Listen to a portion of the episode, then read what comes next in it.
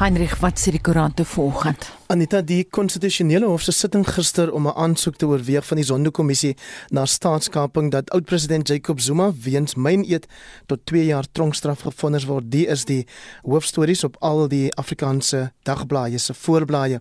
Beeld en Volksblad se opskrif lê geen hoop dat Zuma sal getuig en dit sê ook dan dat advokaat Tembeka um, Kaitobi wat die sondekommissie verteenwoordig gesê het tronkstraf van 2 jaar sonder die moontlikheid van 'n boete is al opsie wat hulle reken sal werk en dit het hy gesê aan die nege regters van die konstitusionele hof wat die aansoek aanhoor en wat voor uitspraak voorbehou het. Dan is daar ook 'n berig op Beeld se voorblad oor 'n gedenkdiens vandag vir Jimmy Abbott, die legendariese voormalige bokser en rofsteer. Die burger se hoofopskrif tyd loop nou uit vir Zuma en dan het hulle 'n baie oulike spotprent daarby van 'n uurglas wat leegloop, maar dan is dit net weet ek nou mos lag nie. Ehm um, oud president Zuma se kop wat daar deur gedruk word en nie die sand wat ons gewoonlik in 'n uurglas sien nie. Die kommissie sal in 'n sirkus ontaard het advokaat Ngukai Tobi gesê. Indien Zuma telkens vanuit die tronk na die hof gebring moet word en hy steeds weier om te getuig en dan ook 'n berig op die voorblad van die burger oor die menseregte kommissie se ondersoek na wat nou genoem word 'n verbod op Afrikaans by die Universiteit Stellenbosch en dan Jake White die voormalige Springbok afrigter nou bulle afrigter wat maan dat ons tog nou nie te gou moet jubel oor die Leo toer nie want die bepalinge gaan waarskynlik aangepas word en uh, hy is seker of sy eie span dan nog steeds teen die leeu's sal speel. Dis nou die Britse leeu's wat hier moet kom toer en daar is nou aangekondig dat die toer wel in Suid-Afrika sal voortgaan. Landbouweekblad se 1 April uitgawe wat nou op die rak is, eh, fokus grootliks op die onteieningswetsontwerp wat tans voor die parlement dien en ook die goeie nuus van verwagte reën in April en Mei vir die drooggeteisterde dele van die Noord en die Oos-Kaap. En dan een van die artikels op vryeweekblad.com vanoggend, die is geskryf deur Dr Piet Kroukamp, 'n bekende politieke ontleder en hy reken 'n koalisie van redelikers en pragmatisme is al wat hierdie land kan red en daarmee saam dat as deel van die ANC se stryd om oorlewing en wat hy reken goed is vir Suid-Afrika is daar al meer stemme so syne wat nou opgaan vir 'n nuwe politieke party wat uiteindelik die bevrydingsbeweging kan vervang. En dan nuus uit Namibië is dat die Republikeine vandag berig hulle het 146 nuwe COVID gevalle in ons buurland aangekondig waarvan daar 108 herstel gevalle is en dan het 66 mense pas die enstof teen COVID ontvang. En dan Andre gaan ons na ons luisteraars vrae toe. Vanoggend skoei ons dit op Paas naweek. Dis om die draai, né? So ek weet nie of jy nou al planne gemaak het, Anita, maar ons werk mos maar. Wat bedoel jy nou? Die inperkingsregulasies is vandag presies 'n jaar gelede ingestel en mense kon daarom verlede jaar glad nie Paasfees hou soos wat ons oor jare gewoond geraak het daaraan nie. So ons wil vanoggend by jou weet met nou veel slappe regulasies wat geld, wat beplan jy en jou familie vir Paase volgende naweek? Dis die tweede goeie Vrydag en dan die res van die naweek. Jy kan vir sy SMS stuur na 45889. Dit kos jou R1.50 elk en dan kan jy natuurlik saamgesels op Facebook by die Monitor en ekskuus tog. Monitor en Spectrum op RSG Facebook bladsy of jy stuur vir ons 'n kort stemnota van so 30 sekondes op die meeste na 076 536 6961. Ek sê hy nommer weer stadig. 076 536 6961. 61. En nou ons hoofstorie van die oggend, die konstitusionele hof in Johannesburg het gister uitspraak voorbehou in die saak teen oud-president Jacob Zuma. Die staatskapingskommissie vra die hof vir 'n bevel om Zuma vir 2 jaar tronk toe te stuur weens minagting van die hof. Die kommissie het die aansoek gebring nadat Zuma 'n bevel van die konstitusionele hof verontagsaam het waarin hy beveel is om voor die kommissie te gaan getuig. Die staatskapingkommissie wil Zuma opgesluit hê omdat hy die konstitusionele hof bevel om voor die voorsitter regter Raymond Zondo te verskyn nie nagekom het nie. Die regsargument is volgens advokaat Tembeka Nkaitobi geanker in 5 bene. There are strong reasons why Mr Zuma should be imprisoned. And he should not be fined and he should not receive a suspended sentence. One, his conduct threatens the entire constitutional order. Number two, Mr. Zuma has made public his utterances against this court. Those utterances are unjustified, false, and malicious. Three, Mr. Zuma has drawn in his public tirades against this court unfounded comparisons between this court and the apartheid judiciary, which he must have known to be false. Number four, Mr. Zuma has attempted to discredit this court, its individual members, individual members of the judiciary in general. Five, we are dealing with a cynical maneuver to avoid accountability. Advokaat Nkatobi het beklemtoon dat Zuma nie tronk toe gaan omdat hy geweier het om voor die kommissie te verskyn nie, maar oor hy die konstitusionele hof gediskrediteer het en die regters aangeval het sonder om feite te verskaf. He is going to prison for two years because he is not being charged for breaching the Commission Act. He is being charged for violating the order of the Constitutional Court. That is the simple answer. He is also going to prison for two years because he could not be bothered to explain himself or to even say that the two years is too long. So, in those circumstances, the order that would appropriately show the extent of the seriousness of Mr. Zuma's conduct and that, people should not be allowed to wage political campaigns against judges where those campaigns are based on falsehoods is a period of 2 years which is well deserved on these facts. Maar regter Leona Tron het verskil van Nkaptobi wat aangevoer het dat Zuma se kritiek teen die regters as verswaarende omstandighede dien in die beroep dat hy tronkstraf opgelê word. Sy het gewaarsku teen die bedreiging van Zuma se vryheid tot spraak in sy aanval op die regters en die konstitusionele hof. Look, I told me sorry to interrupt you. But doesn't any person have the freedom of speech to criticize this court? They do. Yes. Wouldn't we be impinging on Mr. Zuma's freedom of speech if we have to take what he says about this court as aggravating circumstances? There is no one who is entitled to insult falsely the court. Everyone is entitled to say the judges are wrong. But there is no one who is entitled to say that the judges have abandoned their green robes. No one is entitled to say that some judges have received money from Mr. Ramaphosa. No one is entitled to say that the Constitutional Court has become a threat to democracy. Those are plain insults. Uitspraak is voorbehou en president Zuma en sy regspan moet nog reageer op gister se verhoor. Ntebo Mkobo het hierdie verslag saamgestel. Mitsi van der Merwe SAK nuus. Bly ingeskakel want om 10 oor 7 praat ons breedvoerig hieroor met 'n grondwetkenner en 'n politieke ontleder.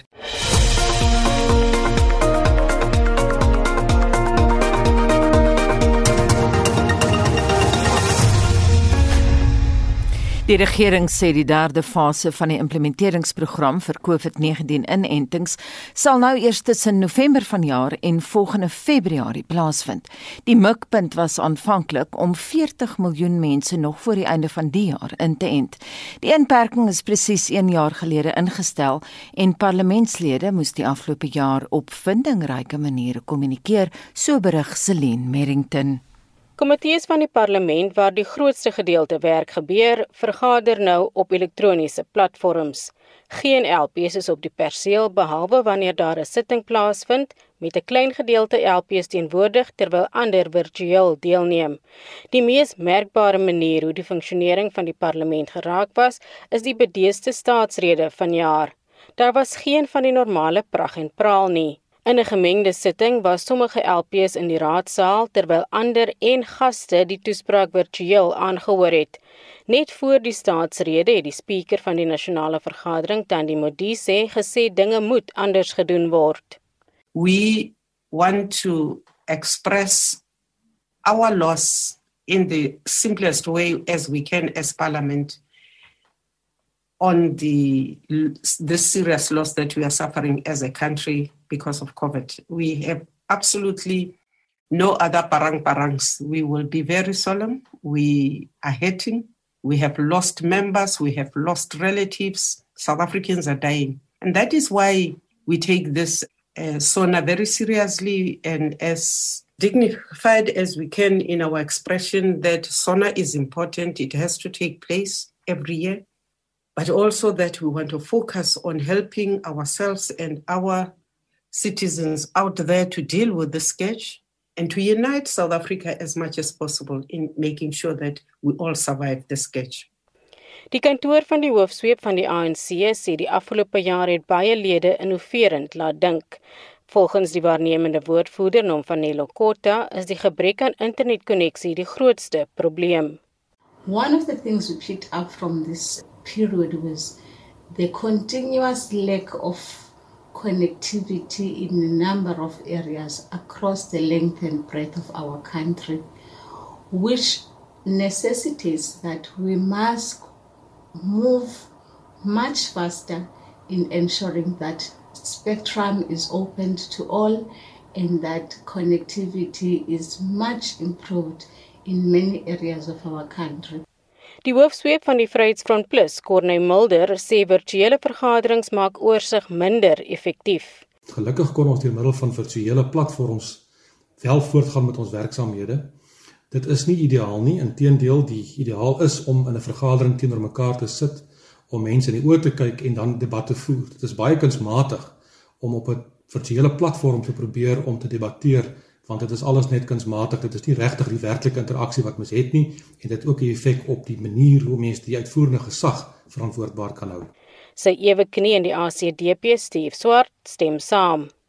Ons is ook van mening dat parlementêre oorsig verbeter kan word indien daar gekyk word na die skandale rondom die COVID-19 aankope as ook ander beweringe van korrupsie wat plaasgevind het in die tyd.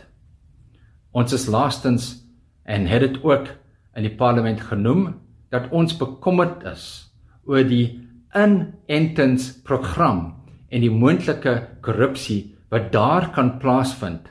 Die parlement se woordvoerder Moloto Motapo sê hulle het meer as 1000 virtuele vergaderings gehou. With the significant portion of the business of parliament being conducted virtually during the entire financial year meaning the beginning of last of uh, March last year and this year significant savings have been made and this will go towards uh, the enhancement as well as the strengthening of parliament's constitutional functions of lawmaking of oversight and public participation as well as international relations. Dit was die woordvoerder van die parlement Moloto Motapo Zelene Merrington parlement. Die Wes-Kaapse Departement van Gesondheid sê intussen dat Woensdag die eerste dag was sedert die begin van die pandemie dat die provinsie nie 'n COVID-19 verwante sterfte aangeteken het nie. Meer as 11000 mense in die Wes-Kaap is tot dusver dood weens die virus. Dit bring ons by 6:30. Wat maak jy die komende Paasnaweek? Dis wat ons vanoggend wil weet en wat sê luisteraars, Heinrich? Daar is 'n hierdie SMS van Erns wat sê kan nog nie planne maak nie. Ons wag maar vir die familievergadering. Dit is die verwagte toespraak van president Cyril Ramaphosa aan die nasie Anita en 'n uh, uh, Erns reken dit sal alles weer op die laaste verongeluk. Samuel Walters van uh, Volvleidam in Gouda sê Paasnaweek is 'n geestelike tyd en ek bly by my huis Ek maak curryvis, mm, want dis tradisie. En dan Gert wat sê jy kan niks beplan nie want die bevelsraad van die ANC beplan om weer in te perk en te beheer. Edlin Kunzi Lahag sê ons woon in Nysna, dit skryf hy op Facebook en ons sal graag Paasnaweek by Connie Glen of die Leisure Isle deurbring met 'n snoekie op die kole. Laas jaar moes ons bordspeletjies speel en ons kon nie eens by die kerkdienste uitkom nie. En dan Jack Waterboer wat laat weet absoluut geen planne vir die Paasnaweek nie. Ons leef in te onseker tye. Wel, ek gaan my familie in Strydenburg gaan kuier. Groete uit die Ooskaap en ek sal bietjie later terug wees, so jy kan vir ons steeds SMS stuur na 45889 teen 150 elk of gesels saam op die Monitor en Spectrum Facebookblad. Anders kan jy vir ons stemnota stuur na 076 536 69 61. So vir interessant mense praat van vis as tradisionele kos vir Paasfees. Ek het altyd gedink is lamsvleis. O nee, Nita. Laat die Kaapnars jou vertel van daai ingelegde vis, pickled fish en natuurlik van daai paasbolletjies. Nou ja, wat weet ons van Mpumalanga af? Dis nou 6:35. Hier is Shaun Joost met vanoggend se sporthoogtepunte. Kom ons val weg met cricketnuus. India en Engeland pak mekaar later vanoggend in die tweede wedstryd van hulle eendagreeks met die tuisspan wat 1-0 voorloop. En die derde en laaste eendagwedstryd van die reeks tussen Nieu-Seeland en Bangladesh is aan die gang. Nieu-Seeland het 318 vir 6 in hulle 50 balbeurte aangeteken. Die eerste toets tussen die Windies en Sri Lanka het onbeslis geëindig en die tweede en laaste toets begin maandag. Na dag 1 van die plaaslike vierdagreeks se eindstryd op Kingsmead in Durban staan die Titans op 31 vir 1 in hulle eerste beurt. Reën en swak lug het net 10 bilbeerte op dag 1 moontlik gemaak. Rugby. Die Ses Nasies reeks kom vanaand tot 'n einde.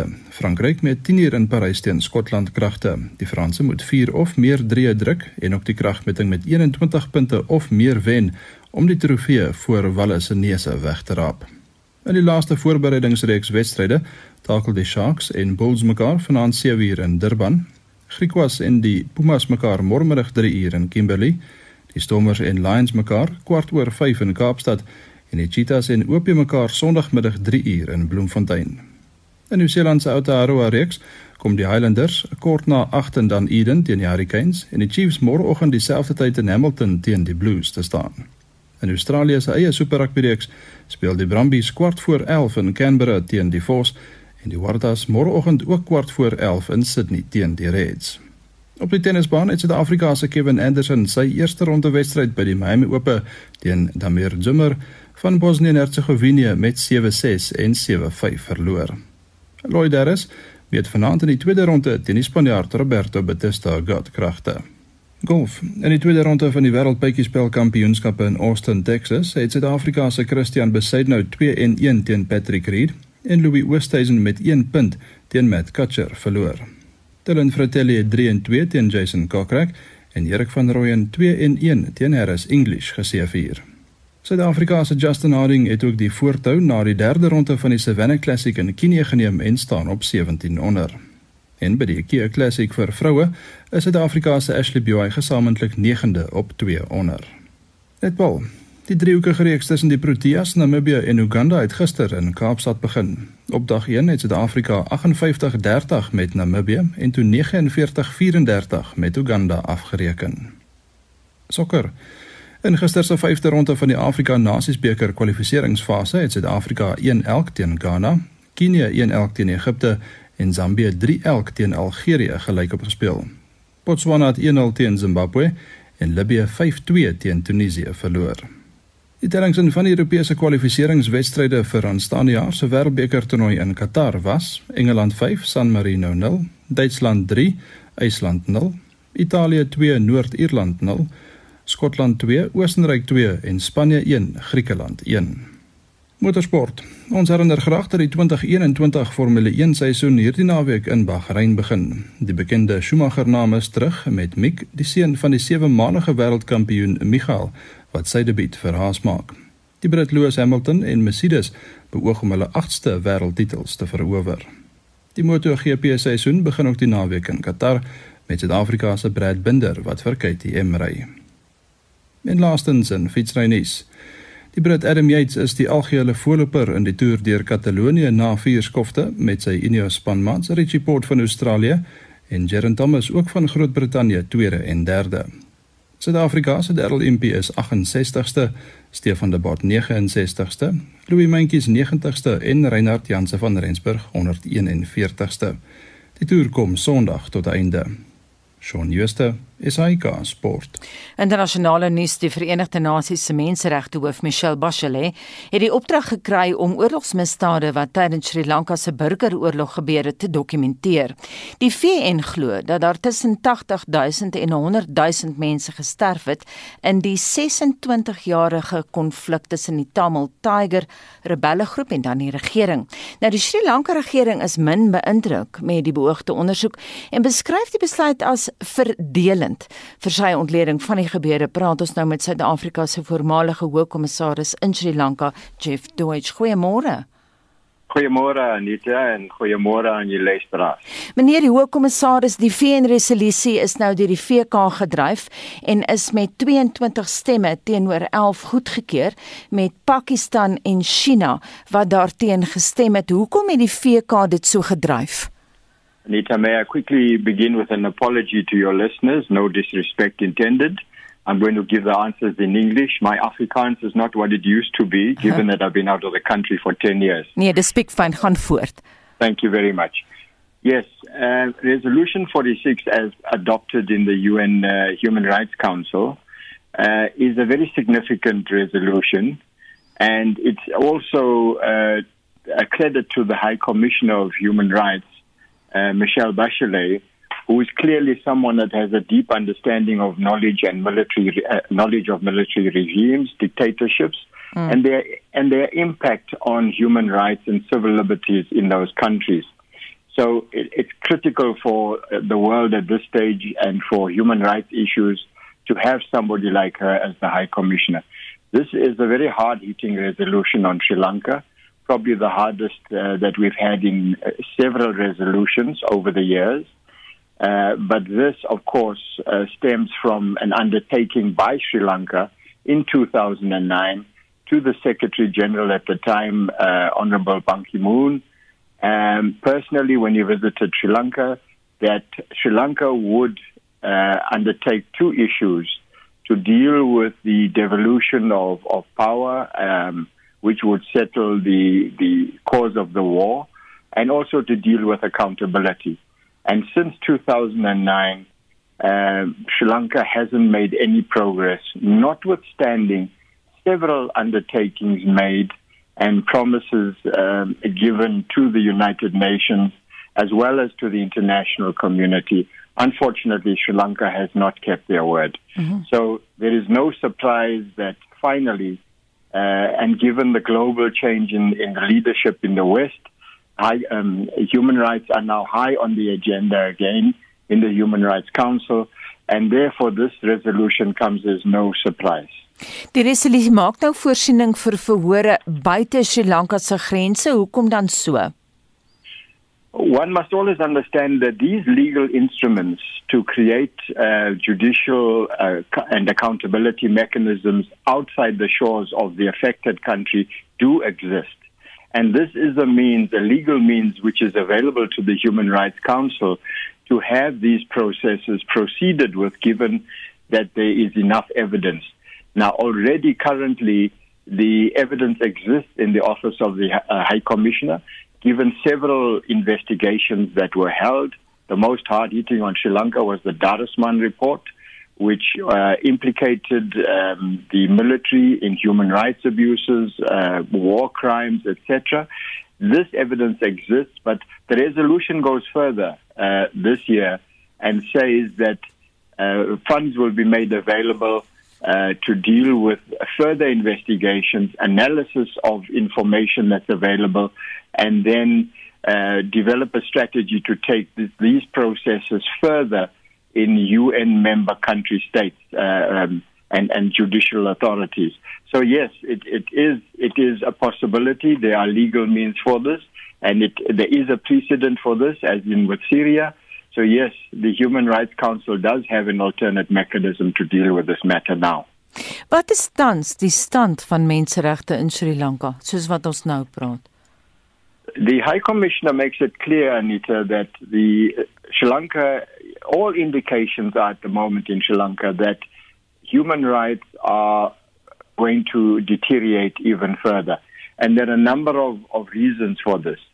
Uh, we're all aware that um, recently there have been restrictions on religious freedom, in particular, the rise of Islamophobia in Sri Lanka, uh, which is um, something directly led by the current president, uh, Mr. Gotabaya Rajapaksa. And this has happened before, where there was a Buddhist uprising against the uh, Islamic um, community in Sri Lanka, where shops were burnt, businesses were, were destroyed, and, and the um, difficult time that Muslims had. Uh, this is about five years ago. We also aware that recently uh, Sri Lanka banned Muslim cremations during this COVID period, which was highly insensitive and the remains had to be then flown to um, the Maldives where they could be cremated. Now, this is unlike any country to do that to any of its nationals, irrespective of which religion they belong to. These are just part of the issues. The other issues that have not been dealt with are the long standing human rights abuses war crimes allegations, and also disappearances after the war in 2009. These have not been dealt with. They get swept under the carpet. And the release, for instance, of a high ranking military officer, uh, where there were visuals of this officer slitting the throat of a five year old child. He hmm. has been released from prison. So there are concerns uh, by the High Commissioner that the evidence at hand indicates that human rights are going to get worse in Sri Lanka. Die VN het ook nou byna 3 miljoen Amerikaanse dollar vir die ondersoek bewillig. Dis dan ook met die oog op toekomstige vervolgings. Watter hof sou daaroor beslis? Uh, to, to give you a little bit of background and to the listeners as well. In 2015, Sri Lanka committed to a hybrid court. In other words, it would allow judges from the Commonwealth countries to come and participate in judicial uh, processes within its own country with Sri Lankan judges, and they would they would set up accountability mechanisms. That was in 2015. That was agreed to in the Human Rights Council and undertaken was given by the Sri Lankan government in the Human Rights Council. This is on record. Since 2015, that has not happened. So therefore, the resolution makes it very clear now that the budget that's been allocated will give the Office of the Human Rights Commissioner the necessary capacity to collect, consolidate, analyze, and preserve information and evidence and develop strategies for future accountability processes and to provide judicial and other proceedings, including the possibility of having these in member state uh, countries with competent jurisdictions. So this can happen in any country. It can happen in Canada, it can happen in the UK, it can happen in the US, where these proceedings will happen, uh, given that there's already enough evidence and more evidence will emerge as the uh, prevailing evidence is analyzed and, and, and gone through, uh, and then these proceedings can start. So, yes, uh, Sri Lanka is wide open. This, unfortunately, is where Sri Lanka uh, fell short in its own undertakings, and now it loses the the control over these processes to happen outside of its own shores. And that's the reality. And I, I am sure in 2023 we'll see a resolution in the Human Rights Council uh, indicating that these mechanisms will be proceeded with. At this particular stage, it's not a decision, it's not a resolution of the Human Rights Council but it's in the report of the Human Rights Commissioner that this is the indication where things are headed to. So, yes, there will be very important uh, uh, and interesting developments to watch in the next two years. Baie dankie en so sê Suid-Afrika se voormalige hoofkommissaris in Sri Lanka, Jeff Deutsch. Navorsers aan die Universiteit van Johannesburg het 'n eenvoudige diagnostiese toets ontwikkel wat sal help om te bepaal watter graad eens met wiskunde sukkel. Vir meer hieroor praat ons nou met professor Elbe Hending, navorsingsprofessor aan die universiteit. Sy is ten nouste aan die projek gekoppel. Goeiemôre. Môre Anita. Kom ons begin eers met die agtergrond. Hoekom is so toets nodig? Wat is fout met ons wiskunde onderwys? Ons praat elke jaar daaroor dat dit 'n swart gat is in ons onderwys, Elbie. Ehm um, ek weet nou nie wat die omvang van die groot swart gat is nie, maar dit is inderdaad 'n donker diep wêreld en dit hoef nie so te wees nie. Graad 1 kinders kom skool toe, die meeste van hulle gereed om te leer op ouderdom 6. Die meeste van hulle het 'n ontluikende ontwikkelende getalbegrip alreeds. Uh, ek het dit nog nie maklik vir jou gesê op 'n ander uh, onderhoud nie, maar ons as mense word byvoorbeeld gebore met 'n inherente behoefte aan getal en aan die verskil tussen 1, 2 en 3 en baie en min. So daarmee kom kinders skool toe. Hulle kan so 'n bietjie tel, maar daai tellery help nie veel nie want hulle sê woorde maar hulle weet nie wat dit beteken nie. En dan kom hulle skool toe en hulle vaar 'n kurrikulum binne. 'n baie sterk, pragtige kurrikulum wat jy omtrent enige plek in die wêreld kan gaan aanbied in ontwikkelende lande. En die kurrikulum maak die aanname dat kinders gereed is. En dan as jy 45 kindertjies in 'n klas het en jy is 1 graad 1 juffrou, nou moet jy uitvind wie van daai 45 kindertjies is hulle bietjie voor weens hulle agtergrond, weens die feit dat hulle baie getalgesprekke gehad het by die huis. In Engels praat ons maklik van number talk. En my ehm um, postdoc student Dr. Henry besluit nou sy doen baie baie werk hierop. Uh, dan kom die kind in die skool in en juffrou moet vir hulle almal dieselfde werk gee natuurlik. Ons moet aanvaar dat ons na die middel toe mik. Mm. En dan hardloop die juffrou. Ek sê vir jou graad 1 onderwysers hardloop deur die kurrikulum want hulle moet by die eindpunt uitkom want hulle word gekontroleer. Mm. En sowieso ook kom ons noem dit maar geïnspekteer. Hulle moet gedurig bewys lewer van waar hulle in die kurrikulum is, mm. hoeveel hulle afgehandel het en hoe die kinders presteer. En so geleidelik begin die kinders dan presteer, maar nie regtig nie. Elbie, hulle doen Ja. ons moet by baie vrae uitkom. Kom ons beweeg aan na die eintlike diagnostiese toets toe. Wat behels okay. dit? Das is agtergrond gedoen. Die diagnostiese toetsie is 'n een eenvoudige getaltoetsie om te kyk of kinders kan onderskei tussen getalle of hulle weet hoeveel 6 is en hoekom 5 een minder is as 6. En daardie toetsie is so opgestel uit ehm um, bewese wetenskapstudies in eers in Finland, later ook in Noorwe en nou ook hier in Suid-Afrika. Die oorsprong van die toets is is Fins. En daardie toetsie kan vasstel waar trek 'n kind op die ontwikkelingsvlak van getalkonsepontwikkeling. Nie getal ek tel, tel, tel nie, getalkonsepontwikkeling. En as jy mens dan daardie toetsie in die hand het en jy sien watter kinders sukkel regtig, is byvoorbeeld maar op sê nou maar vlak 1, terwyl jy op in graad 1 moet jy eintlik al op vlak 3 wees. Dan hardloop die juffrou maar met almal deur, maar hierdie toetsie kan gou-gou vir jou wys aan die begin van die jaar of na 'n lang vakansie of na die onderbrekings met COVID wie sukkel waarmee en dan kan daardie kindertjies in die klas, hulle hoef nie na 'n spesiale terapeut toe te gaan of betaal nie, kan hulle in die klas ook deelneem aan 'n 'n klein ontwikkelingsprogrammetjie wat ons kollegas in Helsinki ook opgestel het en vir 15 weke 'n paar uur per week, 2 uur per week as hulle kan met 'n groepie kinders of met die hele klas werk. En uh, graag een juffrou weet hoe om met die hele klas te werk en om met 'n klein groepie te werk.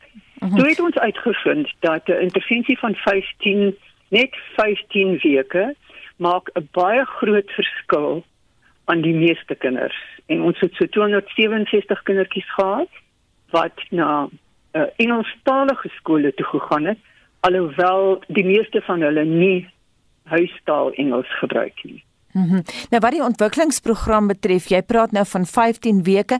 Dis eintlik nie 'n baie lang tyd nie, Albie. Nee, dit is nie, maar die die die geheim van hierdie uh uh onder wat hierdie intervensietjie is dat dit baie fyn en wetenskaplik beplan is. Want dit is oor en oor getoets.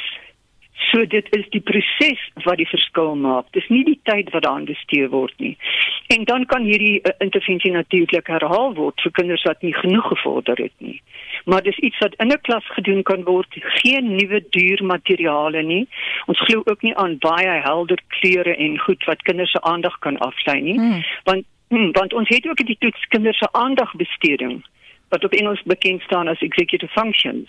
Die bestuur van hulle aandag reaksie op versoeke, skuif van een onderwerp na 'n ander, dink terug. Jy weet, ons het dit ook getoets. Ons het ook hulle luisterbegrip van Engels getoets en ons het vasgestel of hulle wel in graad R was. En die enigste werklike invloed op die kinders se ontwikkeling in daai 15 weke was natuurlik die behandeling self dit was baie duidelik en dan die besturende uitvoerende funksies van elke kind hoe hulle hulle self kan bestuur.